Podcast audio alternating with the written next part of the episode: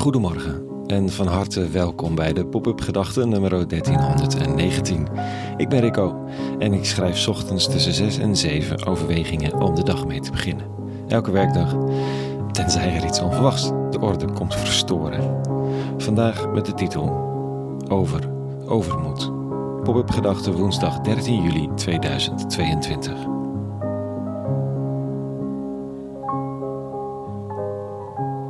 Ja, het tweede optreden is altijd tricky, zeiden we gisteren tegen elkaar.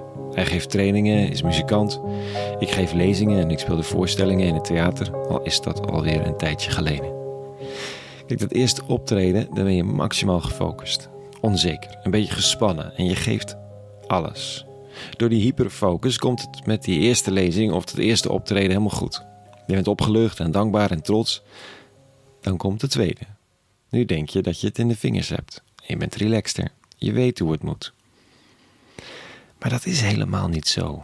Opeens weet je die tekst toch niet meer. Haal je de volgorde van de dingen door elkaar, vallen de noten niet op hun plek.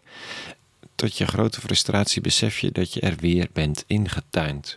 Het is niet zo dat je het na de eerste keer wel kon. De eerste keer werkte door je spanning, je onzekerheid, je focus. Dan kun je niet bij je tweede show al denken dat je er bent. Bij lange na niet. Onzekerheid, spanning, niet weten, of in elk geval onzeker weten, zoals de titel van het laatste boek waar ik aan schreef luidt. Dat houdt ons scherp. De moed om te verschijnen op het toneel voor de klas of op het werk of op straat, waar je dan ook nodig bent, die is prachtig, is een beetje angstig en houdt je scherp. Overmoed maakt het echter weer stuk. Door de overmaat aan zekerheid verlies je contact. Contact met je publiek, dat natuurlijk als eerste. Ze zien je enigszins zelfverzekerd her en der de plank misslaan. Wat hoogstwaarschijnlijk jou ook uit het lood slaat. En ze vragen zich af wat er aan de hand is. Maar zelfs als het niet misgaat, verlies je contact. De urgentie ontbreekt. De ontvanger krijgt een show, maar krijgt hij ook je hart en ziel. Dat is het eerste contact dat je verliest. Het andere contact is dat met je opdracht. Waarom sta je hier? Wat is er zo urgent dat je met trillende benen en angst in het hart jezelf naar die publieke plek sleept om dit te doen? Want je schudt het niet zomaar uit je mouw, dus er moet een reden zijn. En in contact met die innerlijke opdracht, de roep, de stem, misschien God zelf, stap je dan maar weer in Gods naam naar voren. Overmoed berooft je van contact. Het isoleert. Onzekerheid daarentegen en de moed die daarbij hoort brengt contact, urgentie, verbinding met het publiek en met je opdracht. Met je collega's en je baas. Je moet wel, want je weet het allemaal niet exact. Zo zou je kunnen zeggen dat twijfel je bij God brengt en bij andere mensen. Zekerheid niet per se. Zekerheid is comfortabel. En zekerheid brengt je niet per se in beweging. En beweging is leven. Beweging is God. Beweging is geloof.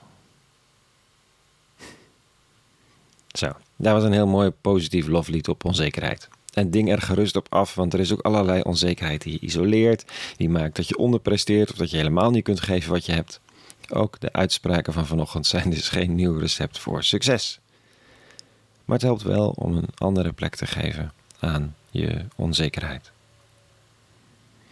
Ik kom erop vanwege een wat vreemde tekst vanochtend in de katholieke lezingen van de dag. Fascinerend stukje wel. Die briljante profeet Jezaja, echt ik hou van zijn teksten.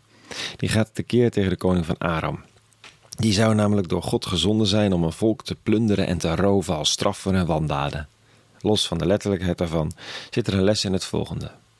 Assur of Aram zei: Door eigen kracht heb ik dit alles bewerkt, door eigen wijsheid, want verstandig ben ik. Grenzen van volken heb ik verlegd, rijkdommen weggesleept en vorsten met geweld van hun troon gestoten. Mijn hand nam de rijkdom van de volken in beslag alsof het een vogelnestje was. En zoals men verlater eieren weg vergaart, zo gaarde ik hiel de aarde bijeen. Niet één verroerde een vleugel of opende zijn snavel om te piepen. Maar pocht een bijl soms tegen hem die ermee hakt, zegt Jezaja. Of God, of verheft zich een zaag tegen hem die ze hanteert, alsof een scepter diegene regeert die hem voert, of een stok hem die geen hout is omhoog heft. Het liep natuurlijk niet goed af met de koning van Aram. De beste man rook bloed, had lol in zijn rol van mythisch machtige moordenaar en dat kwam hem duur te staan. Zelfs de dictatoriale koning moet weten dat hij of zij niet meer dan een werktuig is, een bijl soms. Dus s'avonds op de knietjes, wie je ook bent, anders zwaait er wat. Nou goed, het is wat veel gevraagd om heel die identificatie met die koning van Aram te doen. Maar ik doe hier dus één punt van vergelijk. En laten we het gewelddadige van het verhaal even in het duistere verleden laten rusten. Ook de koning van Aram die had een flinke dosis onzekerheid kunnen gebruiken.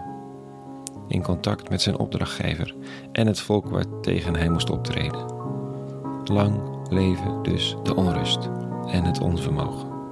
Niet te veel, maar ook zeker niet te weinig.